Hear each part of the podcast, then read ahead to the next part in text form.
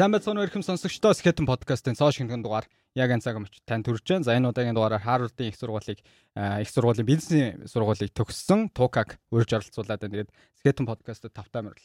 За баярлалаа. Өрсөнд баярлалаа. За яриагаа шууд эхлүүлье гэж бодож байна. За сүүлийн үед бол Harvard-ын Тука гэдгээр нь бол нэлээд олон хүмүүс бол мэдж байгаа. Тэгэхээр би болохоор яриагаа одоо 7 сард Солонгос улс руу явах гэж байгаа. За тэр дундаа дэлхийд технологиор тэргүүлж байгаа Samsung гэдэг компанид Тэгэхээр миний судалснаар бол нэлээд баг ахалж ажил нэлээд том албан тушаал дээр очиж байгаа гэж ойлгосон. Тэгэхээр яг ямар ажил хийж гүйцэтгэх гэж байгаа вэ? Одоо хийх гэж байгаа ажлынхаа талаар төсөөлөл очиод ямар хүмүүстэй хамтарч ажиллахын гол хийж гүйцэтгэх ажил нь ямар байх юм тэрийг сонирхъя гэж бодож байна. Аа за. За тэгээ аа тэгэхээр юу Samsung компани болохоор дотроо corporate strategy гэдэг нэг стратегийн тийм баг байдаг. А энэ стратегийн баг нь болохоор хизээ үүссэн бэ гэхээр бүр бараг 1990-ад он Ли Күнхи гээд дөнгөж сая нас барсан одоо Samsung Group-ийн ерөнхийдөө ерөнхийлөгч chairman хүн байсан. А тэр хүн ерөнхийдөө тухайн үед бодохдоо за Samsung гэдэг компани бол тэгээ Солонгостой бол нилээдгүй одоо том амжилтанд хүрлээ.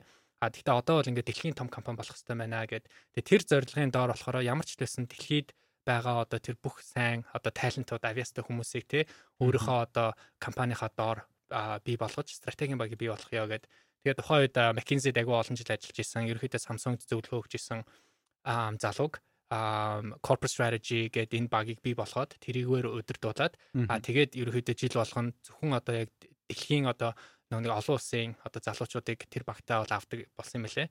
Тэгээд одоо 20 30 жилийн дараа өнөөдөр Samsung-ийн одоо яг стратегийн баг нь бол ерөнхийдөө тухайн компани одоо олон улсын стратегийг ерөөдөө бий болгодог. А тэгээд тэр гаргасан бий болгосон стратегийг болохоор бусад нөгөө нэг одоо департамент салбаруудад бол хэрэгжүүлдэг ийм баг байгаа. А тэгээд миний хувьд бол яг энэ багт нь одоо олон улсын strategist тэгээд олон улсын стратегийг хариуцсан менежерээр аа орох орохыг одоо зэхээд байж байна тий. Ер нь бол олон жилийн түүхтэй хэлсэн биз дээ тий. Ер нь яагаад технологийн компаниг сонгохоор бол за өмнөх түүхэдийн сонсоход технологийн компанид бол 1.5 жил ажиллаж байсан туршлагатай бакалаврын зэрэг бол илүү эдийн засаг тоотой холбоотой мэрэгчлэр бол дүүргэсэн. Тэгэхээр технологийн салбарт өөрөө их сонирхолтой хүн гэж өөрөө бас өмнөх нэг подкаст ярьсан байсан. Тэгээ тэр дундаа олон компаниудаас санал авсан байх, олон компаниудад өөрөө бас сорж үтсэн байх. Яага Samsung-ыг сонгох болов энэ шийдвэрийг гаргахад хамгийн гол нөлөөлсөн хүчин зүйлсүүдээ яриул юун дээр үндэслэж шийдвэр гаргалтаа гаргалтаа хийсэн бай. Наач амар гой асуулт байна. Тэгээд айгүй олон хүчин зүйл ерөнхийдөө байгаа. Гэхдээ яг хамгийн том хүчин зүйлүүдийн дурдж хэлэхэд нэгдүгээрт ерөнхийдөө би бол Америкт одоо баг сүүлийн 10 жил ингээ ажиллаад амьдарсан юм байна. Аа тэгээд сургуулаа төгсөөд ерөнхийдөө илүү Аз руугаа явъя гэсэн бодол те Монгол гэрлүүгээ илүү ойрт гэсэн бодол нэг талд байсан. А хоёр дахь тал нь тэгтээ тэргүү Аз улс те одоо Аз Аз region өөрөө болохоор нэлээд хөгжиж эхэлж байгаа. А тэгээд Америк ус бол яг нэг үедээ бол ингээд супер хежемони байсан тий. А тэгтээ одоо ингээд сүүлийн хэдэн жилүүд ингээд хараад ахад бол одоо хойд юу өмнөд солонгос ч юм уу ингээд хятад, Сингапур ингээд тухайн улсууд нь бас нэлээд их хөгжингөө болж байгаа. Тийм ч учраас ажлын том том бас ингээд боломжууд энэ Азийн энэ одоо region бас агиух гарч ирж байгаа учраас хүмүүс агиух тийшээ бас хушуурж байлээ. Тэр хоёрдугаар а гуравт болохоор чиний түрүүн хийсэн шиг одоо миний өмнөх бизнесийн сургуульд явахаас өмнөх одоо ажлын туршлага маань дандаа хөрөнгө оруулалт төслийг санхүүжуулагч А тэгээд гарааны бизнес гэдэг иймэрхүү чиглэлүүд илүү ажилладаг байсан. А тэгтээ ингээ одоо хараад ахаар нэг тийм айгуу том тренд байна л да. Тэр тренд нь юу вэ гэхээр дэлхий дээр хамгийн том үнэлгээтэй компаниуд одоо дандаа технологийн компаниуд болсон байгаа. Аа тэгээ технологийн компани юу вэ гэхээр зөвхөн технологи дээр одоо суурилсан зөвхөн технологийн салбарт биш те. Технологи гэдэг нь өөрөө нэг тийм foundation болсон байгаа байхгүй юу? Тэр нь болохоор бүх салбарт өнөөдөр хэрэгжиж байна те. Санхүүгийн салбарт fintech ч юм уу те. За тэгээд одоо эмнэлгийн салбарт болохоор health tech ч юм уу. За тэгээ одоо боловсролын салбарт ингээл бүр edtech гэл зөндөө юмнууд байна. Тэгэхээр технологиг өнөөдөр ойлгохгүйгээр би өнөөдөр одоо яг дэлхийн одоо энэ хөгжилтэй мөр зэрэгцэж алхах ямар ч боломжгүй юм шиг надад санагдсан. А тийм ч учраас яг бизнесийн сургуулийг төгсөөд зөвхөн технологийн компанид л орё гэсэн нэг тийм хүсэл зэрэмэлзэл бол өөртөө тавьсан. А тэгээд Америкт надаа бас нэлээд боломжууд байсан л та. IBM, Amazon гэдэг компаниудад орох боломж байсан. А тэгтээ энэ Samsung-ийн өөрийнх нь яг энэ стратегийн баг нь маш сонирхолтой юм шиг санагдсан. А тэгээд яг энэ Samsung-ийнхаа хамгийн том толгой байгаа chairman те chairman-тэйгээ ингээд байн хамт харилцаад тэгээд Samsung-ийн одоо ирээдүйн одоо олон улсын тэр стратегийн зорилгыг хамтдаа бүтээлцэж явна гэдэг бол яг миний хувьд бол ингээд нэг тийм а баг мөрөөдлийн юм шиг нэг тийм агуу гой боломж олцсонд л агиух баяртай байгаа. Өмнө нь бас технологийн компанид гарааны бизнест Бостотод ажиллаж ирсэн тий. Тэгэхээр одоо За мэдээж технологийн компани гэхээр технологи суурилсан компани. Гэхдээ хийх ажил нь бол илүү өмнөх э, бизнесийн удирдлага болон санхүү чиглэлээр суралцсан зүйл дээр нь илүү үндэслээд явах гэж бодож ямар технологийн шууд инженеринг гэдэг явах ажил нь тодорхой тий. Код хичээлгцэн байгаа шүү дээ. Тийм болохоор ер нь технологийн компанид ажиллах болон хөрөнгө оруулалтын банкнд хоёр ажиллахын ялгаа нь хэр хэмжээнд юу юун дээр илүү ялгаа илүү харагдах бай харагдах бол гэж бодож байна. Мэдээж аль аль нь бол өөр өөр ингэсэн онцлогтой зэрэгэд өөр өөр ингэсэн туршлагыг бол тухайн ажиллаж байгаа хүнд бол өгж байгаа ахал. За эхлээд ерөөхдөө зүгээр нэг одоо position-ы талаас нь илүү яри те. Тэгэхээр хөрөнгө оруулалтын банкнд бол би одоо шинжээчээр ажиллаж байсан. А тэгэхээр ерөнхийдөө хүн надад юу хэлнэ тэрийг би ингээ гүйцэтгэх байдлаар ажиллаж байсан юм те.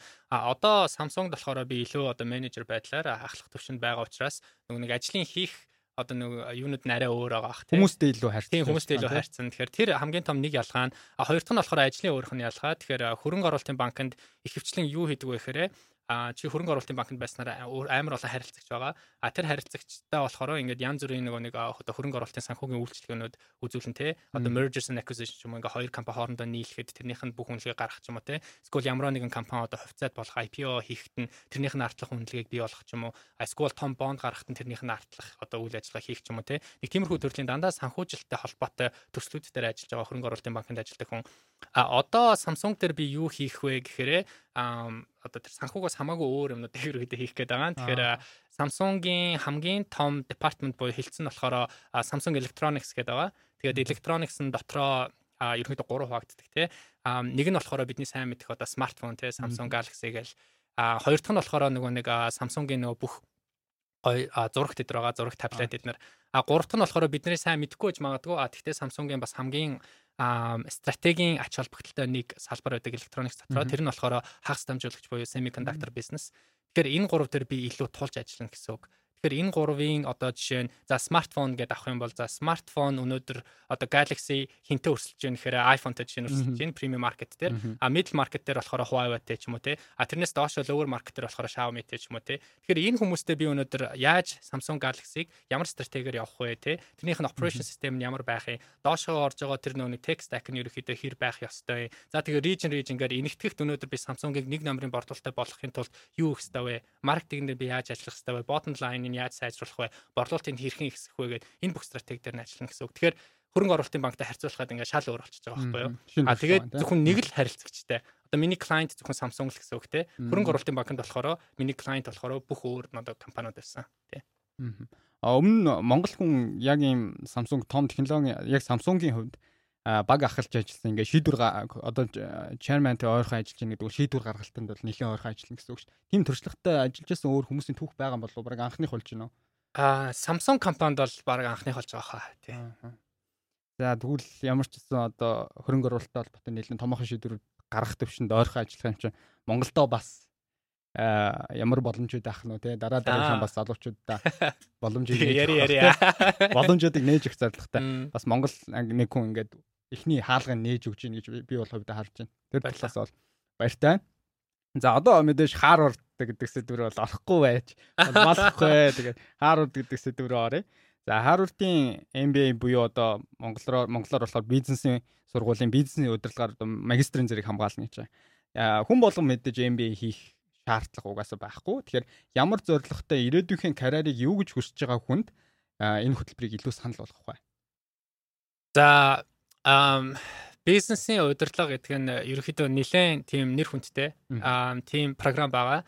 Аа тэгээд ерөөхдөө ирээдүйд нэг за нэг 2 3 төрлийн хүн байд юм шиг надад санагдтыг. Тэгэхээр нэгдүгээр төрлийн хүн болохоор ам одоо тухайн салбартаа нэг 3 4 жил ажиллаад а тэгтээ илүү нөгөө нэг доод төвшөнд те ингээ ажиллаж байгаад одоо ингээд гоё менежер болоод илүү ингээд манлайлах шин чанараа одоо тэр чадруудыг ингээд авъя гэсэн хүн ерөнхийдөө одоо бизнесийн удирдлах руу сурахаар явдаг. А тэгээ бизнесийн удирдлагад 2 жил сурахтаа болохоор тэр манлайлах шин чанаруудыг аваад ямар нэгэн компаниг олон талаас харах тэр үнцгийг а тэр мэдлгүүдийг авсныхаа дараа буцаад одоо салбартаа очиод тэгээд одоо менежер болдог байгаа. А хоёр дахь төрлийн хүн болохоор тухайн салбартаа бас нэг тодорхой хэмжээний ажлын туршлагатай болцсон. А тэгснэ одоо болохоор тэр салбартаа ингээд нэг жоохон нэг дуртай биш болсон тий. Одоо би ингээд нэг өөр салбар руу нэг pivot гэдэг чтэй өөр салбар руу pivot хиймээр байна. Тэр бол чинь миний жишээ байхгүй. Би одоо санхуд байснаас байснараа одоо технологи руу pivot хиймээр байна тий. Тийм pivot хийхийг сонирхсан хүмүүс ихэвчлэн бас яг MBA дээр очдог. Яг тэгвэл чи топ MBA програмд орсноороо нөгөө employer тал те нөгөө тал чинь зөндөө олон топ топ компаниуд болохоор яг тэр MBA төгссөн хүмүүсийг л ингээ авах гад хүлээгээд байгаа байхгүй юу. Чам нэг жишээ хэлэхэд Samsung компани одоо энэ стратегийн баг гэдэг байгаа. Стратегийн баг нь болохоор жилд нийт 15 хүнийг авдаг. А дэлхийн яг топ 15 MBA-гээс нэг нэг хүнийг шилж авдаг. Тэгэхээр би болохоор энэ жил Harvard-ын бизнес их сургуулийн одоо Samsung-д орж байгаа нэг хүнийх нь тэнд нь орж чадсан байгаа. Тэгэхээр нөгөө нэг MBA-д явснараа өөрөө амар том том ажлын боломжууд гарч ирдэг байгаа. А тэг 3 дахь буюу хамгийн сүүлийн шалтгаан нь бол ерөөхдөө одоо Монголд жишээ нь ингээд байгаа залуучууд маань те шууд ингээд гадаадын том компанид орё гэхээр нөгөө нэг замнал нь нэг тийм жоохон арай жоохон ойлгомжгүй ч юм уу бэрхшээлтэй байдаг. А тэгэхээр нөгөө MBA-гээр дамжиж гадаадад бас нэ те ажиллаж гадаадад одоо туршлага хөрөнгөлөх боломж олддог байгаа. Тий. Аа. Өөрөө чи хувьд болохоор Harvard-ын яг энэ бизнесийн сургуульд яг MBA хамгаалсан 6 дахь төгсөгчтэй Монголоос. Монголоос яг Монголд ихтэй сургуулаа төгсөөд а яг энэ харуудын шалгууруудыг хангаад явсан хүн одоогор бол бахгүй бах те. За би би тэрийг сайн мэдэхгүй байна. Гэтэ what I can tell you чамд юу хэлж чадах вэ гэхээр Монголын одоо сургуулийг төгсөөд их сургуулийг төгсөөд а Монголдо зөвхөн ажлын туршлага хөрөнгөлүүлээд а тэгээ гадаадын одоо топ MBA програмд орсон зөндөө залуучууд байгаа. Магадгүй яг Harvard-ын бизнесийн сургуульд ямар нэгэн шалтгаанаар ороогүйсэн байж магадгүй. А тэгтээ өөр том програм те Колумбиагийн бизнес их сургууль, Чикаго эдэрт бол зөндөө монголчууд бол орсон байгаа шүү. Тим түүх бол байна тийм түүх байна. Аа энэ хөтөлбөрт за Монгол одоо ихэнх нь манай сонсогч нар бол Монголд одоо их дээд сургуулаа төгссөн залуучууд байгаа. Тэр залуучуудад зөвлөж хэлхий гэх юм бол эхний ээлжинд ямар шалгууруудыг хангах хэрэгтэй. Заавал Харвард гэхээсээ илүү сая боддоор маш олон түүхүүд байгаа бол өөр бас дэлхийн топ энэ бизнесийн удирдлагаар хөтөлбөр хэрэгжүүлдэг сургуулиудад өөрийнхөө материалыг явуулъя, өөрийгөө сольж үзье гэвэл эхний шалгуурууд. Тийм. Тэгэхээр энэ нөгөө бизнесийн удирдлага гэдэг чинь ерөнхийдөө одоо яг тодорхой хэмжээний ажлын туршлагатай а тийм хүмүүсийг програмд илүү авдаг байгаа. Тийм ч учраас MBA дээр ингээ очихороо би биентэйгээ хоорондоо мэтгэлцээд ярилцаад би биенээсээ маш их сурах тэр боломж тэр талбарыг бүрдүүлдэг. Тийм учраас чиний хамгийн одоо энд хийх ёстой зүйл бол э, тийм ажлын туршлага хөрөнгөлөх. А тэгээд MBA програмд явсан хүмүүс ингээ харах юм бол дунджаар 4-5 жилийн ажлын туршлагатай байдаг. Тэр бол хамгийн одоо анхны а одоо requirement гэх юм уу те тэр нэгдүгээрт а хоёрдугаарт бас ажлын туршлагын дотроо бас яг ямар төрлийн ажлын туршлага хөрөнгөлөх вэ гэсэн асуулт байгаа тий. Тэрэн дээр ерөнхийдөө нэг тийм одоо яг өөрийгөө сорьсон аа тэгээд одоо шинэлэг креатив тий тэгээд өөртөө маш их одоо нэг хариуцлага авсан аа тэгээд манлайлах шин чанар буюу одоо баг хамт олонтой ажиллаж чадсан тий тиймэрхүү яг өөрийнхөө сорьсон тийм ажлуудыг миний бодлоор хийх хэрэгтэй нэгдүгээр. За тэгээд дараа нь болохоор стандартчлсан тестүүдэд бас нөгөө нэг оновчтой оноо авах хэрэгтэй.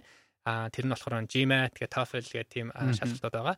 За тэгээд 3 дугаарт болохоор нийгмийн бас идэвхтэй байх хэрэгтэй. Тэ extracurricular activity гэж яриад байдаг. Нийгмийн бас идэвхийг бүрдүүлсэн ба. За эдрийг бүрдүүлсэний дараа бол ерөөхдөө 4-5 жилийн дараа өөрийнхөө хүссэн MBA програмд явах замнал чинь бол нэгдэж эхэлнэ. За тэгээд дараа нь одоо материалаа бүрдүүлнэ гэдээ бас зөндөө юм болно да. Тэгээд ерөнхийдөө бол яг энэ замнал нь өөрөө бас нилээдгүй цаг а бас шаарддаг тий өөрөөс чинь маш их одоо хүч хөдөлмөр гардаг учраас өөрийгөө бас нөгөө нэг ментор Тэ тиймэрхүү хүмүүсээр нэлээд сайн хүрээлүүлээд урд өмнө явсан хүмүүсээс маш их одоо тусалцаа авахгүй бол яг ингээ өөрөө ингээ ганцаараа ингээд энэ замналыг бас туулах бол маш хэцүү. Миний хувьд бол маш их менторуд намайг хүрээлж байсан тэр хүмүүсээс маш их мэдлэг туршлагын авснараа ерөөхдөө энэ боломж бол надад бас нэгдэжсэн. Анх MBA хөтөлбөрт өөрийгөө сорж үзье гэх шийдвэр гаргаж хэвчээ. Ям янз бүрийн за сая менторудаас гадна янз бүрийн одоо зөвлөх үйлчлэгээ авч ирсэн болов өмнө нь яг энэ замаар явсан хүмүүсээс туршлагын ерөнхийдөө сонсоод явсан.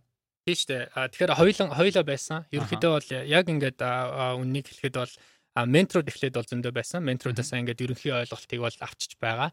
А тэгчээ дараа нь бол бас яг энгээр мэрэгшсэн одоо консалтинг буюу те зөвлөх үйлчлэгээнүүдийг бол авч байсан. А тэрэн дээр юу айгу бэрхшээлтэй байсан бэ гэхээр айгу үнэтэй юм бэлээ. Тэ одоо Америкт бол яг энэ маш нөгөө нэг өндөр үнэлгээтэй байдаг. Яагаад гэх юм бол ерөнхийдөө одоо топ MBA програмд нэгэнд орж чадсан хүн бол тэр хүний ирээдүйн ерөнхийдөө бас э, тодорхой хэмжээнд бол нэлээд гэгээлэг болж өсдөг байгаа. А тэгээд тухайн сургуулийг төгссөний дараа чиний дундаж цалин чинь бол жилийн бараг 200 мянган доллар байдаг те. Тэр нь одоо Монголд орчуулах юм бол сарын бараг 50 сая төгрөгийн цалин дээр ерөнхийдөө бууж байгаа. Тэгэхээр ийм том боломж руу орохын төлөө хүмүүс а бас нилээдгүй их бас нэг хүч хөрөнгө мөнгө бас зарцуулж тийм бэлээ. Тэгэхээр нөө зөвлөгөө үйлчлэгийн байгууллагууд нь бас тэр чинээгээр айгүй их айгүй үнэтэй бас айгүй өндөр төлбөртөөс чаржлдаг. А тийм ч учраас би болон одоо яг тий өмнө нөгөө нэг MBA төгссөн одоо монгол залуучууд маань нийлээд одоо маркетингийн үнээс бараг 20 30 дахин ингээ хямдхан байдлаар одоо монгол залуучуудаа нэг тийм үйлчлэгээ зөвлөх үйлчлэгээ одоо явуулж эхэлсэн. Тэгээд hellomba.org гэдээ байгаа шүү. Тийшээ орж үзээрэй гэж хэлвэр мэдээлэл аваарай гэж хэлвэр байна. Аа сая бага бүрдүүлсэн гэж ярьж байна. Тэгээд тэр зөвлөгөө үзүүлж байгаа хүмүүс маань таад маань бага бүрдүүлэхдээ ямар шалгуураар сонгосон бэ? Бүгдээрээ л янз бүрийн том том сургуулиудын MBA хөтөлбөрт төгссөн энэ замаар яваад үтцсэн хүмүүс байгаа. Яг үнэ. Бид нар бүгд hello.mba.org-т байгаа менторуд маань болохоор топ MBA сургуулиудыг ерөнхийдөө төгссөн байгаа. Дан ганц Америк гэхээсээ илүүтэйгээр Европ, Азиас бас хүмүүс ерөнхийдөө орж эхэлж байгаа. Тэгээд бид нар бүгд мэдээж нөө full time ажилтай, бүтэн цагийн ажилтай хүмүүс 7 хоногт бараг 100 цаг ажилтдаг болохоор нэлээд завгүй хүмүүс байгаа.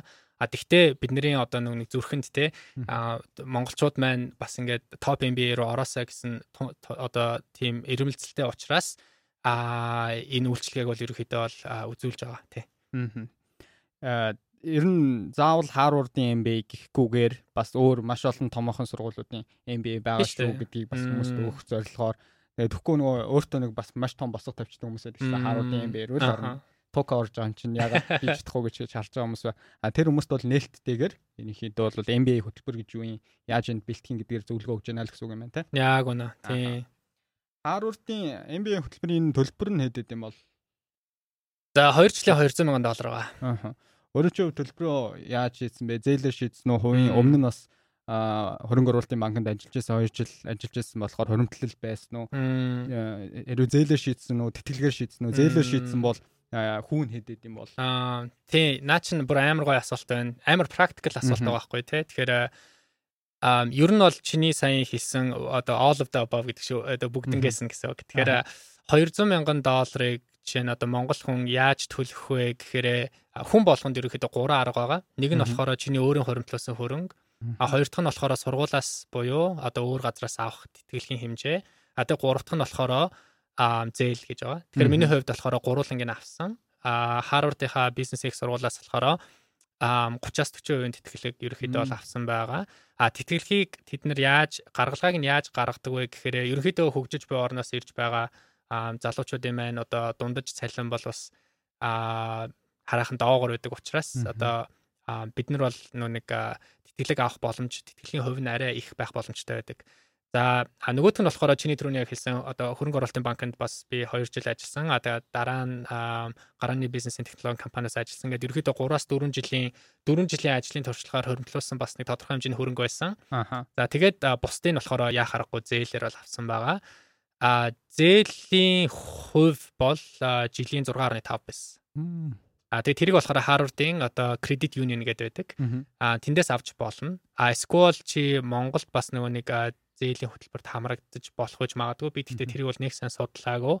А тэгээд яг олон улсын сурагчдад зориулсан тийм зээл өгдөг зөндөө олон одоо тийм эйженси хоршоонууд бас байдаг. А тэнд чи бас хамрагдаж болно. Тэр нь тэр хувь нь бол миний бодлоор Harvard Credit Union-аас арай жоо их байх хэвээр тэр нөө риск нь өндөр болохоор тэгэхээр нэг 7.58 байгаа.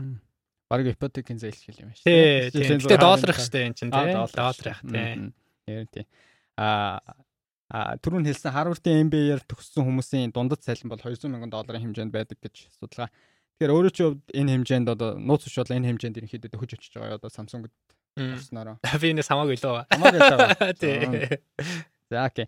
Тэгэх юм бол би нэг ийм асуулт асуух гэдэг юм л та. За яг өөрчн олгож байгаа энэ боломж за цалингийн хэмжээг Монголд нэг компани өөрчн олгоё гэж бодъё л та. За окей Тука чи Монголд ажил. Гэхдээ манай компаниуд олон улсад нэр нэр хүнд одоохондоо гараагүй байна. Аа тэгээ өгье. Аа тэгээ Тука ажиллах уу гэвэл одоо яг ямар сонголт хийх вэ? Окей. Би ч яг үнийг хэлэхөө. Би зүгээр тал үнээр ирнэ шүү. Тал үнээр ирнэ. Тий.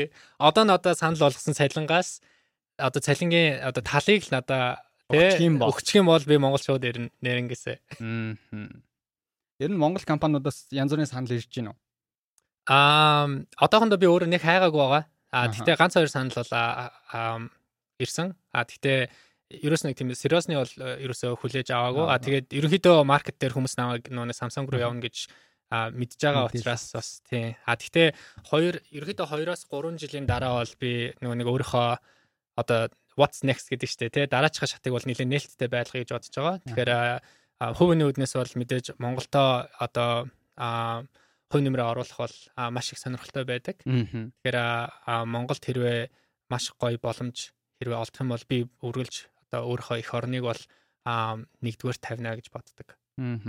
Маш гоё харилцаа нь одоо манай Монгол компани удирдлагад байгаа юм бол Samsung-ийн тэр санал болгож байгаа цалингаас тал цалингийн өгөх юм бол Тока энэ шийдвэр шууд ирнэ шүү. Бэлэн байгаа юм шүү. За энэ удаа биш юм аа гэд 2-3 жилийн дараа бас эргэж ирэх тэр суурийг бэлдэж өгөх юм бол одоо энэ чадварлаг боловсруучч ингээ Монголдо ажилуулах энэ хүний одоо мэдлэгийг муухагаар илүү ашиглах тий хов нэмэр эх орондоо үнсэн бүтээгтэн одоо дэмжлэг үзүүлэх байхаа гэж бодож байна. За Монгол компаниудад ерөнхийдөө нэг жил ажиллаж үтсэн тий MBA хийхээс өмнө. Тий тэгсэн. Төслийн удирдлагаар ажилласан гэж би сонссон. Монгол компаниудад ажиллахад за нэг асуудал хамгийн том асуудал бол мэдээд цалингийн зөрөө байгаа. Өөр ямар асуудал бол одоо зүгээр хэлээ л дээ. Монголчууд Монгол компаниудад тэрэн дээрээ жоохон анхаарчвал одоо олон улсад төгсөөд ирж байгаа залуучууд маань Монголд ирээд ажиллахад ямар ч асуудалгүй байна хорндоо гэр бүлтэйгээ ойрхон гэж хэлийг үл зөвхөн цалингаа хоёлаа хойшоо тавьчих. Угаасаа цалин ойлгомжтой. Нэлээд өндөр зөрүүтэй. Аа Монголд ажиллах юу сайн талч байсан, сул талч байсан. Тэгэхээр би ихлэ сайн талаас нь эхлэе гэж бодоор байна. Сайн тал нь чиний түрүүний хэлсэн яа харахгүй номер 1 бол ерөөсөө л одоо гэр бүл тэ анд найзууд тэгээд би өөрөө Монголд мэдээж өсч төрсөн тэ Америк явахаас өмнө дандаа Монголд байсан учраас Монголыг ерөөсөө орлох газар бол ерөөсөө байдаггүй юм бэлээ. Тэгэхээр одоо миний амьдралын хамгийн одоо ажлын туршлагын гэх юм уу те хамгийн кайфтай хамгийн гоё байсан үе бол ерөөсөө яг Монголд ажилласан 1.5 жил байгаа. Аа хоёрдугаар хоёр дахь сайн тал нь юу вэ гэхээр чи хичнээн одоо олон улсын топ глобал компанид ингээд ажиллана. А тэндээ болохоор ингээд амар том компани айгүй жижигхэн хэсэг болж ерөнхийдөө хвчлэн ажилладаг. Аа Тэгэхээр нөө нэг чиний тухайн компанида ч юм уу те тухайн улсдаа яг үзүүлж байгаа үр нөлөө импакт нь болохоор харьцуулшгүй бага байдаг. Монголтой харьцуулахад. А тэгэхээр Монголд нөө RJ Capital гэх компани төслийн санхүүжилтчаар би дэд захирлаар бол ажиллаж байсан. Нэгдүгээр ч шууд тушаалч нэг өндөр болчихж байгаа. Хариуцлага чинь тэр чигээрээ шууд бас өндөр болчихж байгаа. Тэгэхээр өөртөө маш их хариуцлага ингээ аваад ингээд ажиллаад а хийсэн ажил чинь болохоор Монголынхоо баг DNB те эдийн засгт амар том ингээ нөлөө ингээ үзүүлэхээр бас маш кайфтай юм шиг санагдсан. Тэгэхээр энэ бол а тэгээд гурав дахь нь болохоор юмнууд бас айгүй хурдан хөдөлт юм шиг санагдсан тий. Өөрөө нөгөө нэг хөгжиж буй орон болохоор тэрнийгээ дагаад үйл хөдлөлн ч гэсэн маш хурдан хөдөлдөг. А тэгэхээр ингээд ян зүрийн ямар ингээд орох тийм боломжтой. Бараг өөрөөс чинь баг их шалтгаалдаг амар тийм креатив байх хэрэгтэй. За ийм гурван гой сайн тал байна. А сул талууд нь гэх юм бол нэгт илүү одоо регуляц талаасаа бас жоохон а хэцүү юм шиг надад санагдсан тий. Ингээ ямар нэг юмыг бүтээхэд дандаа ингээ нэг тийм нэг юунод байгаад идэг штэ тий there are a lot of barriers. Аа нөө шаталтай байгаад байдаг. Аа bureaucracy гэдэгтэй bureaucracy ихтэй юм шиг надад санагдсан. Аа хоёрт болохоор хүмүүс аа ерөнхийдөө нэг тийм бас тийм ч удаан одоо тий яг ингээд одоо зүрх сэтгэлээ зориулаад ингээд нэг тийм одоо сайн ажилтгүй юм шиг надад санагдсан. Тэгэхээр яг яг зүгээр улсаар ингээ муулмааргүй байна те. А тэгтээ ингээ зүгээр ингээ ажиглахад яг ингээ Америкт Америкт одоо ингээ ажлын бид нар ингээ хийж байгаа тэр нөгөө нэг нэг чанарын нэг төвшин байна дээ те. Тэр төвшин бол ингээ яах аргагүй Монголд бол нэг ганц хоёр нооч бол яг доогуур юм шиг надад бол санагдсан шүү. Тэгэхээр нөгөө нэг Монголд би 1.5 жил ажилласны дараа ингээд буцаад а одоо нөгөө нэг бизнесийн сургуульд ингээд явхад бол миний нөгөө нэг гадаадад ингээд яг адилхан жилийн туршлагатай хүмүүстэй ингээд би өөрийгөө дараа нь харьцуулсан чинь миний өрсөлдөх чадвар тодорхой хэмжээгээр унтсан юм шиг бас ингээд ерөөхдөө санагдсан. Аа тийм яг сул талууд бол тэр яг гэхдээ зөвхөн яг миний өөрийн л өөртөл тохиолдсон бас зүйл гэж магадгүй те яг улсаар нь ерөөсөө ерөнхийлж бол болж чадах болохгүй бах тий. Мэдээж тухайд хамтарч ажиллаж үзсэн хүмүүс ч юм уу ганц хоёр хүний хандлага дээр л үнэлж яг байна. Аа ер нь Монголд хөдөлмөрийн зах зээлийг хэр шудраг байдаг гэж боддог бай. Зүгээр сая яриагч нь сонсоод би зүгээр тэгж бодлоо л та. Монгол залуучууд сэтгэл жоохон муутай, сэтгэл жоохон дутмаг ажиллаж байгаа нэг гол шалтгаан хөдөлмөрийн зах зээл нь жоохон шудраг биш юм шиг санагддаг. Миний зүгээс. Яг тэгээ зарим хүмүүс хитрхи их хөдөлмөрлөдөг. А тэгтээ яг тэрэндээ дүүцсэн хэмжээний цалингаа авч чаддаггүй. А зарим нэг нь баг ажил нь хийхгүй байж иж тэр хүнтэй дүүцгүй хэмжээний цалин аваад ирэнгүүт нөгөө хүмүүс нь ингээд яваандаа ингээд идэвхэн сулгалдаг ч юм уу дөнгөж. Тиймэрхүү зөрөөнүүд их ажиглагддаг юм шиг санагдсан. Тэгэд би үүнээс шалтгаалж ямар асуултыг асуух гэдэг юм бэ гэхээр Монголд 2 3 жилийн дараа эргэж ирээд бодлогын төвшин шийдвэр гаргах төвшөнд ажиллах боломж нь олдох юм бол улс төрт орох уу? За улс төрт баг орохгүй хаа. Би ерөнхийдөө ерөнхийдөө хувийн хвшлэлээр өнөөг хүртэл явсан. Тэгээд хувийн хвшил дээр хувийн хвшлээ бараг даагнана л гэж боддог тийм. Хувийн хвшил дундаа 3 жилийн цаатах зураглалаа одоо дэлхийн том компанид ажиллаад эргээд ирвэл илүү энэ боловсролын салбар одоо эхлүүлсэн байгаа тэр банк хамтуулнаараа эхлүүлсэн байгаа ажил руу илүү хүч дүрэн орох уу арай өөр зүйлийг харж байна. Хоёлаа ингээд 4 жилийн цаатах тэр нэг гоё мөрөөдлийг яриа л. Яа. Би боловсрал технологи хоёрыг ерөөхдөө за хослуулах цааш юм. Гэтэ хоёуланд нь илүү акцент өгье л гэж боддог. Аа тэгээд технологийн одоо тийм хөрөнгөний сан байгуулах маш их сонирхолтой байгаа. Аа тэгээд технологийн сан байгуулснараа яах вэ гэхээр одоо яг ашигт малтмалж тий одоо тиймэрхүү нэг нэг хандлага ихтэй тийм dependent улсуудад ерөөхдөө хөрөнгө оруулалтын сан бий болгож аа тэгээд эдийн засгийн солонгочлуулах аа тиймэрхүү ажил аа тэг хөрөнгө оруулалтын сан гэдэг нь юу гэсэн үг хэрэг нөгөө нэг дижитал трансформац те аа дижиталын шилжилт ерөөхдөө хийх аа тэр нь болохоор салбаруудын хувьд бол технологийн салбарыг бол хамгийн ихээр барьж аавна гэж боддог аа тэгээд боловсрал дээр ерөөхдөө зөндөө олон бодлого. Гэтэ өнөөдөр хоёлаа энэ талаар ярих хэрэгтэй юу юу? Юу гэж бодож байна? Яа, дэндүү их болно гэж юу? Зөв товчхон хэлвэл ер нь өөрийн харж байгаа. Би боловсрал дээр бас ингэж өөрийнхөө хувь нэмийг оруулмаар байна гэж харж байгаа зүйл байв. Тийм, тэгээ тэгвэл товчхон хэлэх юм бол яг го боловсрал яг өнөөдөр миний харж байгаа өнцгөөс ингээ харахаар ерөөсөө айгуу дотмог байгаа. Энд гэхдээ зөвхөн Монголд ч бас ерөөхдөө дэлхийд даяар яагаад гэвэл одоо Америк улсын ингээ жишээ авах юм бол боловсралд тэ оюутнууд нь нийт одоо 1.5 триллион долларын одоо өртөө байдаг. Тэгэхээр боловсрал нь өөрөө маш үнэтэй а маш хүнтэй байна гэдэг чинь маш олон хүүхд залуучууд оюутнууд маань ингээд боловсролыг авч чадахгүй байгаад байгаа. Тэгэхээр маш тэгш бус байдал бол айгүй өндөр байдаг. А хоёрдугаарт одоо яг тийм чанартай сайн боловсролыг авъя гэхээрээ тэр нь шалгуур нэгдүгürt маш өндөр. А хоёрт тийм ч утгаараа маш хүнтэй байгаа учраас ерөөс нь 1%, 2% нь л одоо сайн сургууль руу явж чаддаг. А тэгээ бусад 98 99% нь болохоор яг нөгөө хүртээмжтэй боловсролыг жишээ нь авч чаддггүй тий. А тэгэхээр эднэрийг яаж одоо өөрчлөх вэ? А тэгээ гурав дахь гурав дахь дутмаг нь юу вэ гэхээр боловсролын нэг л төрлийн нэг тийм хэлбэр яваад байдаг модаль гэдэг. Тэр модаль нь яадаг вэ гэхээр багш орж ирэнгуутаа нэг лекц уншаал 50 минут лекц уншингуутаа гараа авчдаг. Тэгэхэд ерөөсө тэр хүүхдүүд ингээд нөгөө personalized ямар ч тийм аа нөгөө нэг хандлт байхгүй байгаад байгаа байхгүй тий. Зарим хүүхдүүд болохоор яг хүнтэй ингээ хоорондоо ярьж мэтгэлцэж тэгж сурдаг. А зарим хүүхдүүд болохоор ямар нэгэн байдлыг видео графикаар үзэж сурдаг ч юм уу тий.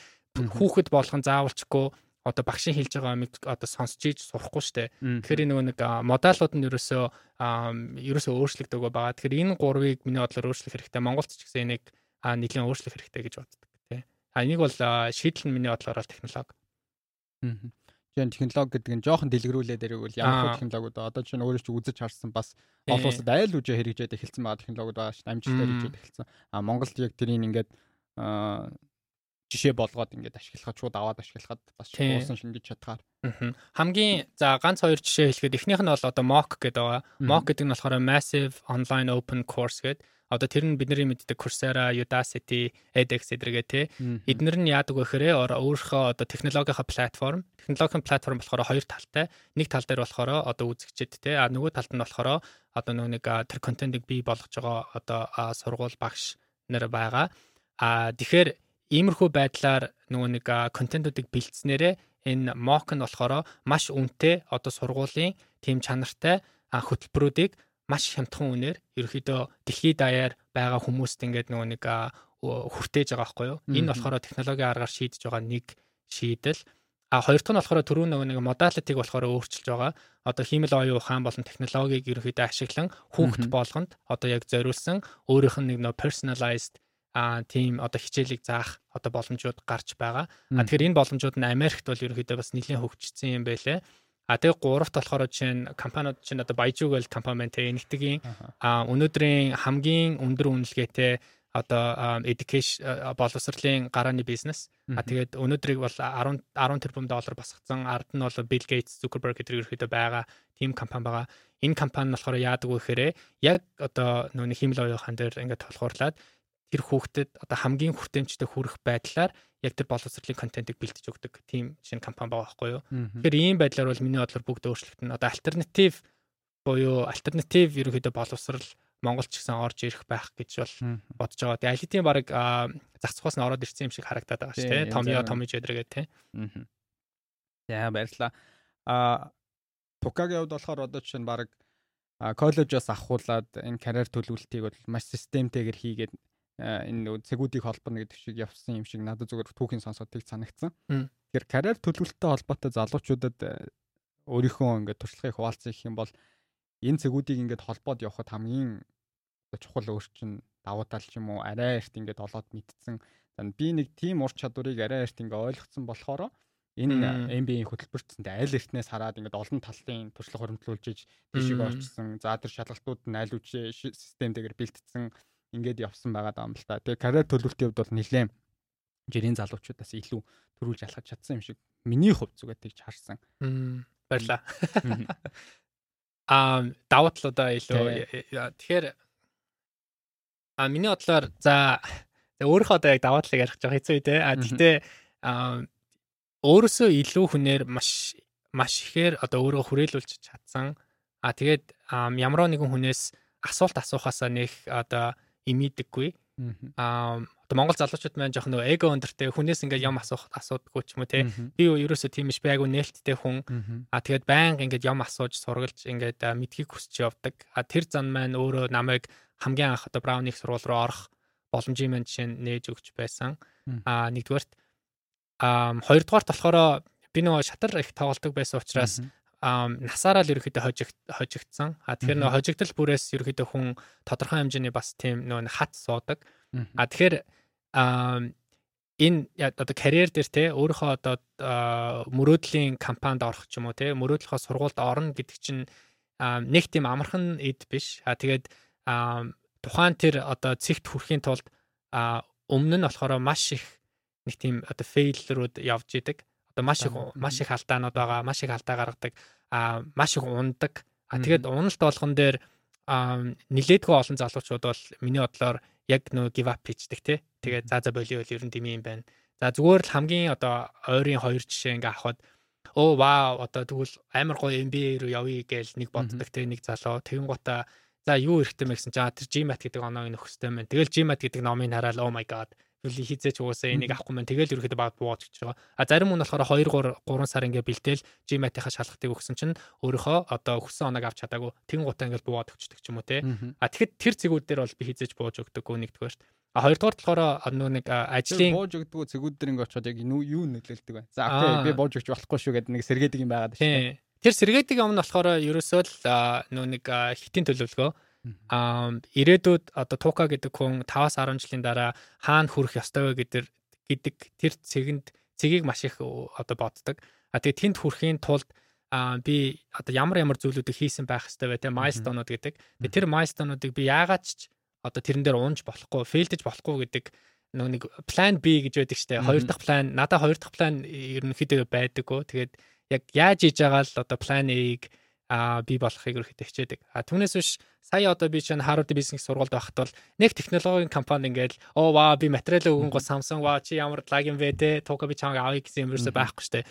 Технологийн компанид би баг бүх компаниудад эхний жил бол нөгөө нэг татгалцаа хариу авсан. Samsung намайг эхнийхээ жил ерөөсөө юунд ч ураагүй. Нөгөө ярилцлагын ч ураагүй, миний материалыг ч үзээгүй. Өөр зөндөө олон лаг лаг HBS-ийн залуучууд байсан те. А тэгэхээр би за яг хуу одоо яг хуу тэгжлээ те. Гэтэ жилийн дараа дахиад нэг нөгөө нэг recruiting cycle эхэлдэг байхгүй юу? Тэр цикл дээр би өөрийгөө хэн болохыг харуулна. А гэтэ тэр цикл дээр би бусад хүмүүсээс өөрийгөө ялгаруулахын тулд ямар туршлагыг одоо энэ нэг жилийн дотор хөрөмтлөх хэрэгтэй вэ гэдэг талаас нь л харж байгаа болохоос биш өө энэ намайг авахгүй мэн би хийж тоогдохгүй мэн гэж бууж өгөө. Аа сайн нэг яриан дунд бууж өгөх юм ярьсан болохоор амьдралд нөгөө новшин санагдах үед байдаг. Тэр новшин санагдах Одоо жишээ нь хөрөнгө оруулалтын банкнд ажиллахдаа одоо 100 цаг ажилладаг байсан байлээ шүү дээ. Тэр чинь бол чанга шүү дээ. Өдөрт 15 16 цаг ажиллана гэдэг бол. Чанга чанга. Тий. Тэгээд тиймэрхүү үеүүдэд новшин санагдсан үеүүдэд юу хийдэг байсан? Аа, тийм зүйлүүтэй толгорч байгаагүй. Тэгээд хүн болгол толгорч байсан байлгүй дээ гэж боддоо шүү. Аа, тийм үе бүр амар зөндөө ба. Гэтэ яг хуу ингээ гой байдлаар хэлэх юм бол дахиад нөгөө хитийн төлөвлөгөө тий. Би Morgan Stanley-д ингээ агүй олон цаг ажиллаж байхад бол бүр үнэхээр амар хэцүү байсан. Одоо ингээ одоо ингээ бодоод үзэхэд тэгээд ингээ бараг л өдөр болгон би юу яагаад энэ компанид ажиллаад байгаа те би гарчул яасан бэ? Гэрт ингээ аав ээж минь намайг хүлээж байгаа. Тэнд би угаасаа гой байж чадан те лагер дээр байж л байл тааж те. Тийм бодол бүр зөндөө төрчихсэн гэхдээ тэр үед би яг за Morgan Stanley-г би 2 жилийн ажлын туршлага авснараа дараачийн одоо миний карьер opportunity боломжууд бол бий болно. Тэгснээрээ би дараа нь MBA-д явах боломж маань бий болох учраас би өнөөдөр энэ 2 жилийг бүр ингээ шүвдээ зуугаад яаж хийж байгаа л гарандаа гэж бол боддог байсан. Түүнээс биш. Агүй хэцүү нөхцлүүд бол зөндөө байсан сая ч гэсэн бизнесийн сургуульд байхад би амар олон компаниудаас татгалцсан хариу эхлээд эхний жил ингээ аваад би түрүү хальт ярьсан ч миний нөө өрсөлдөх чадвар бусад хүмүүстэй харьцуулахад унтсан байсан гэдэг 1.5 жилийн дараа бүр тэр бол яг нөө нэг ажлын ярилцлаган дээр бол харагдчихсан. Би хамаагүй сул болцсон байсан. А тэгээ айгүй олон ажлын ярилцлаган дээр ингээд унсны унахад бол баг яг нулимс гарч исэн. Яг нэг орой ингээд бүр яг орон дээр ингээд баг яг уйлж байгаа байхгүй юу. Одоо би ингээ яах вэ гэд. Тэгэл яг тэр үед чинь би 200 мянган долларын одоо тий яаж иж байгаад 200 мянган долларыг босгоод Харвардын бизнесийг сургуульд явцсан байгаа. Тэгснээ амар их өндөр зээлтэй. Тэгээ энэ зээлээ би төлж чадахгүй буцаад Монголд ирэх юм бол яах вэ те? Ингээд амьдралгүй ч юм уу те. Тэгэхээр би зайлшгүй ажилд орох хэвээр. Тэгээ технологийн ажилд би орох хэвээр. Тэгвэл тэгэл одоо шүтээ зоох хэсрэ арахгүй гэл. Тиймэрхүү байдлаар л юм байсан дөө. Зээл одоо тэр сорилтууд бол эргээ хөшүүрэг болж шээ. Ирээд баг тийм. Зогсохгүй би угаасаа надад сонголтгүй сонголт байна тийм. План би байхгүй. Алд нь гарах гарч явах хэрэгтэй гэдэг сонголт тийм. Одоо эсрэгээр нь би асуулт амьдралын хамгийн гоё оргил мөчүүд одоо энэ олон карьерийг ингээл ер нь бол сорилтууд л байгаад байна шүү. Одоо түүхч сонсоход бол энэ олон сорилтуудын ард ингээд навшийн мэдрэмж байсан байна. Эсэргээрээ амьдралын хамгийн гоё тэр оргил мэдрэмжийн тухай яриач. Би тэр үед одоо ингээ хизээш мартдаггүй тэр мэдээг сонсоод юм уу нэг юмны ард гарчаад юм уу.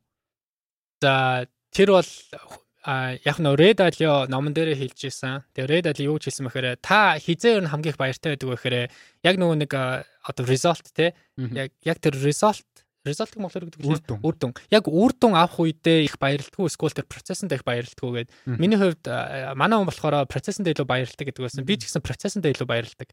Аа үр дүн авлаа. За Harvard бизнес сургуульд орлоо гэдэг чи имэйлийг уншин штэ. Тэгээ шууд оргил төрн те. Вау, ста 2 минут. Oh my god. For can't believe. Ямар гоё юм бэ. Тэгэл болчихж байгаа байхгүй юу. А тэгтээ чиний caption яг үндэ үр дүндээ байсан те чи тэр бизнесийн сургуульд бэлтгэхдээ баг 3 4 жил бэлдсэн материалаа 1 жил ингээд баг бүртүүлсэн хэсэгээ битсэн резюме гаргасан тий тэр процесс болгон тэр чи жижиг жижиг кайф аваад явуулсан дараа нь тухайн сургуульд би тэнцээгүй байлаа гэхэд шал өөр тука болоод өнгөрцөн байдаг. А тухайн компаниудад бэлтгэхдээ зөндөө олон цаг тий тэр нүуний ажлынхны ярилцлаганд бэлдсэн тэгэхээр тэр процессын дараа шал өөр хүн болцсон байдаг. Тэгэхээр би дандаа үр дүнд гэхээсээ илүүтэйгээр процесстай айгүй а кайф авч явдаг. А тэгээд үр дүн чинь тэгтээ тэргүү Угаасаа бид нэр маш өрсөлдөөнтэй нийгэмдэр амьдарч байгаа. Тэгтээ тэргүй чамаас өөр зөндөө олон одоо дүгнэлтүүд гарч ирэн чи татгалцсан хариу бол бүр left and right баруун зүнгөө угаасаа аавн те харин процесстэй чи кайф авч чадж байгаа байх юм бол хизээ нэгэн цагт нэг оргилт бол гарч л таараа. Процесст дуралдаг хүнээс асуухад одоо ковидоос шалтгаалаад Харвардын э, сүүлийнхэн төгсөл 2 дахь жилээ бол баг Монголоос Явах хэрэгтэй. Хамгийн үнэтэй онлайн сургалтанд зогсоо. Харин тийм байх шиг. Тэгээд би яг асуух гээд байхгүй. За энэ процесс ингээд 2 жилийн аялал ингээд үргэлжилж байгаа тийм Харвардын сургууль. Эхний жил нь бол яг тэр хүмүүс дунд байсан. За ихэнх хүмүүс бол дэлхийн хэмжээний ийм сургуулийг сонгоод очиж байгаа нэг яагаад ийм өндөр хэмжээний төлбөр төлөө зурж байгаа тэр нэг хүрээлэлтэй. Харилцаа холбоо чинь одоо өмнө нь дэлхийн топ компанид ажиллаж байсан нөхөр очиж байгаа, том том зөвлөгөөд очиж байгаа Тэр тэр зүйлээс одоо холдчихж штэ ковид шалтгаалаа нэг жил. Тэгээ тэрийг яаж нөхөж ийн ийм алсын зайнаас тэр хүмүүстэй хүрээллээ. Боломж нь хэрэг одоо чадах чинээнд л тэр үнд зүйлийг бас хичээлээс хажуугаар авахыг л оролдсон штэ тий. Тий. Тэгээ яах вэ? Тиймэрхүү аа тэр бол одоо яах аргагүй сорилт байлаа. Тий одоо сорилт байлаа тий. А гэхдээ энийг бас нөгөө талаар нь өөр өнцгөр хараад бас боломжоор харах бас боломжж магадгүй хичнээн чичээгээд тэр нөгөө нэг гой хүрээллийг чи авч чадахгүй штэ. Одоо зайнаас бол. Аа тэгтээ яг би эхнийхээ жил бол зөндөө олон найз нөхдөдтэй болоод тэр хүмүүстэйгээ бол тэгээд төгснөхийн дараа ч гэсэн олон жил нөхөрлөн гэж бол бодож байгаа. Аа тэгтээ Монголд ирснээрээ бас ингээд хажуугаар нь бас зөндөө олон гой нийгмийн идэвхтэй үйл ажиллагаанууд хийсэн. Аа тэгээд энэ үйл ажиллагаануудыг би магадгүй Бостонд байх хугацаанд ч юм Америкт байх хугацаанд бол хийх боломжгүй байсан. Харин Монголд ирснээрээ те а иймэрхүү гой боломжууд гарсанд нас айгүй их баярлалтай. Тэдний нэг нь бол одоо энэ нөгөө Hello MBA одоо үүсгэн байгуулад явж байгаа. Нөгөөх нь болохоор нөгөө яг яад ингээд айгүй гой контент одоо гаргаж байгаа. А тэр нь болохоор нөгөө нэг Америкт байгаа ч юм уу одоо гадаадд байгаа амар гой гой ажлууд уг нь байдаг байхгүй юу? Одоо программинг одоо яг нөгөө product manager, бүтээгдэхүүний менежер ч юм уу те. Эсвэл хөрөнгө оруулалтын банкнд ажиллаж байгаа хүмүүс ч юм уу. Эсвэл зөвлөх үйлчлэгээ байгуулах McKinsey-д ажиллаж байгаа хүмүүс ч юм уу. Энэ талаарх мэдлгүүд ерөөдөө Монголд айгүй хомс байдаг. Тэгээ хүмүүс нь яаж орох тэр нөгөө нэг процесс эдрийг бас сайн мэддгүү те. Тэр хүмүүст ингээ буцаад амар гоё энтертейнинг байдлаар түгэж бид нар контент чинь гаргаж байгаа ч юм уу те. Зөндөө олон Монголд ингээ амар гоё гоё хийх юмнууд ингээ санаа төрөөд ингээ байж байгаадаас амар бас боломжийг бас арай өөр өнцгөөс нэг талаар айгүй сэтгэл хангалуун байж штэ те. Аа. Оюутан баг эхний жилдээ хэр их шоуддаг би яагаад энэ асуултыг асууж байгаа юм гэхээр нөгөө альбом бос уулзалт гэж байдаг шүү дээ тийм. Одоо гадаадад бол монголчууд төлхөө одоо ашиглаж байгаа зарим зүйл чи нөгөө ширээний ард суугаад ярьдаг зүйл гэж байна хүмүүс нөгөө а ширээний бус нөхцөлд шоудж явахдаа бас арай өөр ингээд хүмүүс чи нэг бизнес эхлүүлсэн ч яах шиг зарим нь хөрөнгө оруулалт тохиолдлууд байдаг. Энэ соёлын талаар яриач. Харвардын эхний жил хэрэг шоуд уу? За хангалттай шоудаж ер нь бол чадаагүй харамсалтай байна. А тэгтээ бол тодорхой хэмжээнд бол мэдээж гарч орсон байгаа.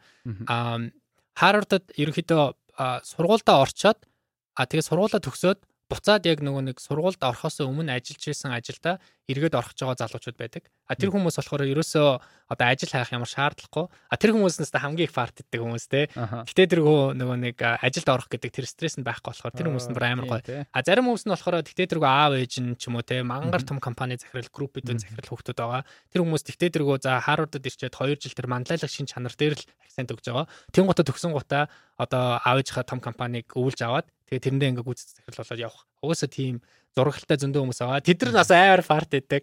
А тэгэн гот 3 дахь төрлийн хүмүүс гээд миний төрлийн хүмүүс байгаа байхгүй юу. Бүр ингээ нөгөө ажиллаа бүр pivot хийгээд шаал өөр салбар руу ингээ орох гээд байж байгаа хүмүүс те. Тэгээд нөгөө ажилд орох үгүй үгүй ингээ бүр амар тийм бүрхэг. Тэгээ энэ хүмүүс чинь болохоор парти нарай жоохон баг. А тэгээд нөгөө нэг ажилд орох процесс нь а чи сургуульд оронгууд 1 сарын дараа эхэлдэг байхгүй юу? 9 сард сургуульд ороод 10 сард рекрутинг буюу ажилд орох процесс эхэлдэг. А тэгэхээр чиний ерөөхдөө өдрийн нэлээхэн цаг тэр нэг ажилд орох бэлтгэлд бол явагдаж байгаа. А тэгтэл мэдээж хажуугаар нь гарч орох тохиолдол байна тий. А нойрол хасна гэсэн үг. Ер нь бол тий. Ер нь бол давуу талтай өстэй тэр уулзалтуудын. Тэглүү яах вэ? Тий. Мэдээж хүрээлэлээ тэлэх боломжуудыг өгч байгаа тий. Тий. Монголчуудыг ер нь хэр хүлээж авч гин одоо нэг үеэ ботход монголчуудыг илүү таньдаг болсон бах олон хүмүүс сураад ингээд үү таалгын нэгээд явж байгаа болохоор Сургууль дээр өө? Тий, сургууль дээр Харвард дээр. За Монгол гэхээр энэ хэр хүлээж авч. Тий. Нэх Монгол гэдэг талаас нь өөрийгөө нэг тэгж амар одоо зар сурталчлаагүй гэх юм уу те?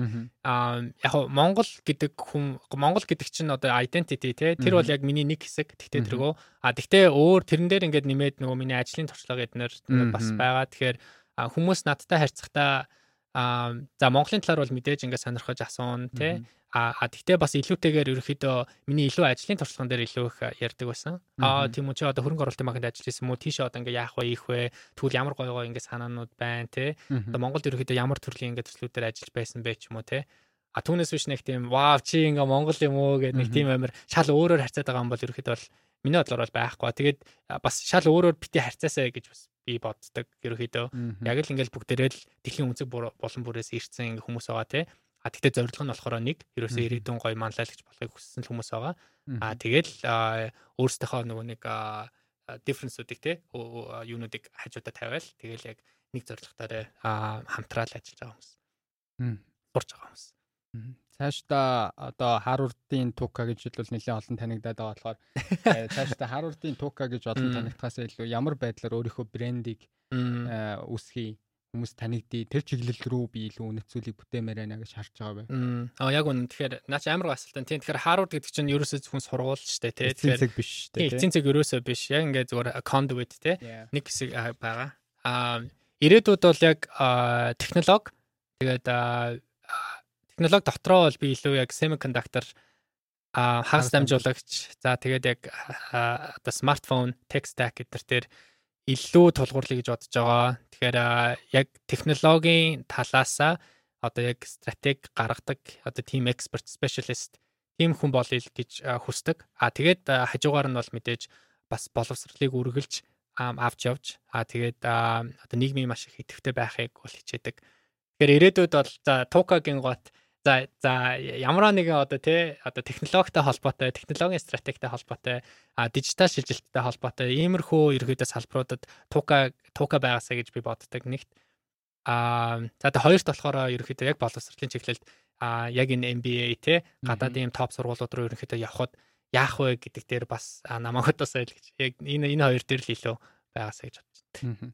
Нэгэнт би үнэт зүйлтэй холбоотой асуулт асуусан болохоор яг миний амьдралд энэ гурван зүйл байхгүй бол би одоо жишээ нь энэ нь бол амьдрч чадахгүй гэж үзье гэх юм бол тийм гурван зүйлийг нэрлэе гэвэл вау юу байж болох вэ? Амьд амьгу хамаагүй хамаагүй. Мм илүү л одоо үнэт зүйл рүү хүндсэн асуулт асуух хэрэгтэй. За үнэт зүйл гэх юм бол нэгдүгээр гэр бүл миний хувьд л айгуу чухал. Би тэгээд айлын бас отхон хүү болохоор хамгийн бага нь те болохоор аав ээжтэйг айгуу ойрхон өссөн. Тэгэхээр гэр бүл миний хувьд бол яхаарахгүй номер 1 а хоёрт болохоор намайг хүрээлж байдаг анд нөхөд тэгээд миний одоо менторуд байгаа. Тэгэхээр нөө нэг энэ хүмүүс байхгүй байсан бол би ямар ч цэгт баг хүрэх боломжгүй байсан баг. Тэгэхээр энэ хүмүүстэй маш их талархаж явдаг. Тэгээд энэ хүмүүс байхгүй байх юм бол би бол өөрийгөө л ямар ч үн сэнгүй үн сэнгүй гэж бодож байна. Хоёрт. За тэгээд гуравт бол миний одоо зүгээр их орон юм болов тий. Аа тэгээд ерөнхийдөө Монгол орондоо л Монгол их орондоо л байхыг хичээдэг хүсдэг тийм. Тэгэхээр энэ гурван зүйл байхгүй байх юм бол би өөрийгөө нөө тодтогч чадахгүй хаа, тодорхойлж чадахгүй хаа. Одоо Солонгос явсан ч бас хэдхэн цагийн нислэг юм чинь өөр өөрхөн их нэг асуудал байх тийм. Яг үнэ. Тэгээ гурван үнэт зүйл мэдээж энэ гурван үнэт зүйлдээ хэр их цаг зарцуулж байгаагаас бас яг бодит амьдрал дээр хэр хэмжээнд хэрэгжиж байгаа гэдэг нь илүү тодорхойлогдох бах. Энэ гэр бүл, найз нөхөд За тэгээд энэ за эх орон гэдэг зүйл бол арай нэг өргүүрээ тэсэд болохоор би тэрийг орхиж. Аа ажлынхаа хажуугаар, ачааллынхаа хажуугаар гэр бүл найз нөхөдөө хэр их цаг зарцуулж байна. Аа мэдээж маш олон хүмүүсээс ингээд зөвлөгөө аваад өөрийнхөө карьерийг ингээд зэгүүдийг холбоод ингээд шатууд явж явах хугацаанд эсэргээрээ бусад хүмүүст хэрхэн үнц нь өгч чадчихин таньдаг болон таньдаггүй. Тэр хүмүүст хэрэг цаг цаг гаргадаг байна. Зөвлөгөө өгөх тал дээр юм уу? Тэр хүмүүст дэмжих тал дээр.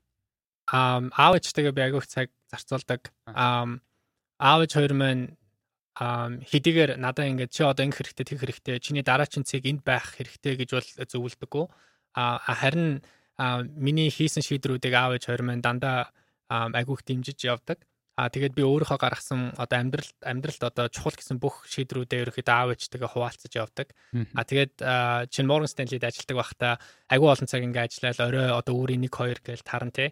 Тин гута манай амьдрдаг гэр болохоор нэг 20 минутын зайтай байсан. Тэгээ 20 минут нөө нэг алхаж явахдаа дандаа ээж руугаа өдөр болгон залгадаг байсан. Бараг л өдөр болго ээж руугаа би 20 минут ямар ч хэлсэн залгаж өнөөдөр юу болсон талаараа өөрт нь хэлдэг байсан. Тэгэхээр аав ээжтэйгээ маш ойрхон байдаг.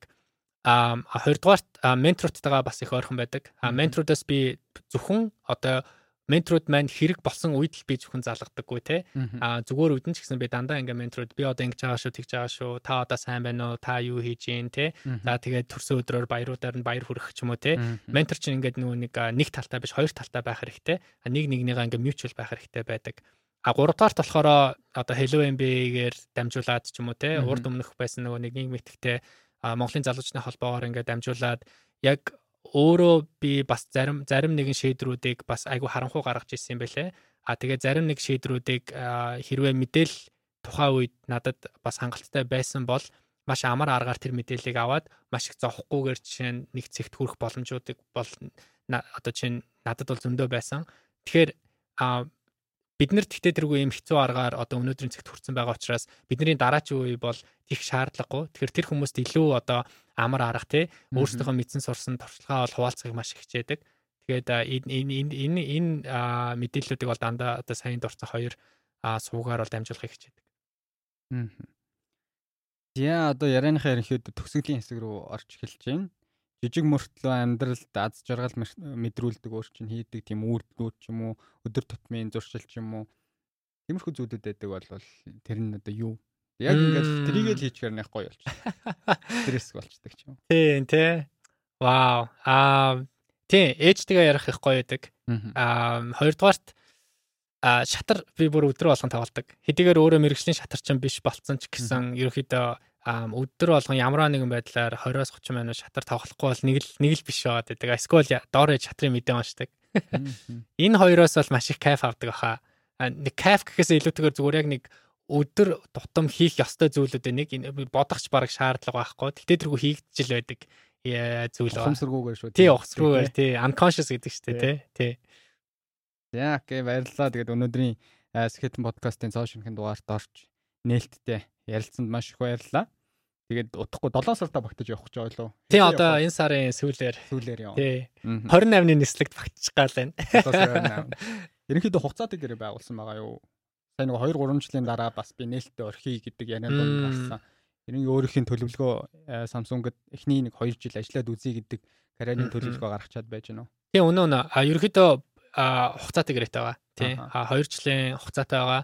А тэгээд тэрний дараа юу болохыг харъя да. За баярлалаа. Тэгээд яг энэ дугаар дээр би ингээд дугаараа хийж байхдаа баг подкастынхаа ямар нэр өхөө гэдэг нэрээ бол олчлоо. Тэр нь бол хитийн төлөвлөгөө буюу хитийн зорилт бол маш чухал. Тэр бол ямар ч үед хүнийг зогсоодгүй зүйл юм аа гэдгийг тэр зорилгоо л зөв системтэйгээр тодорхойлцсон түүндээ тууштай үнэнч байж бол тийм амархан буугаад өгөхгүй гэдэг мессежийг манай залуучуудад өгсөн болов уу гэж бодож байна. Баярлалаа. За за. За баярлалаа. Баярлалаа.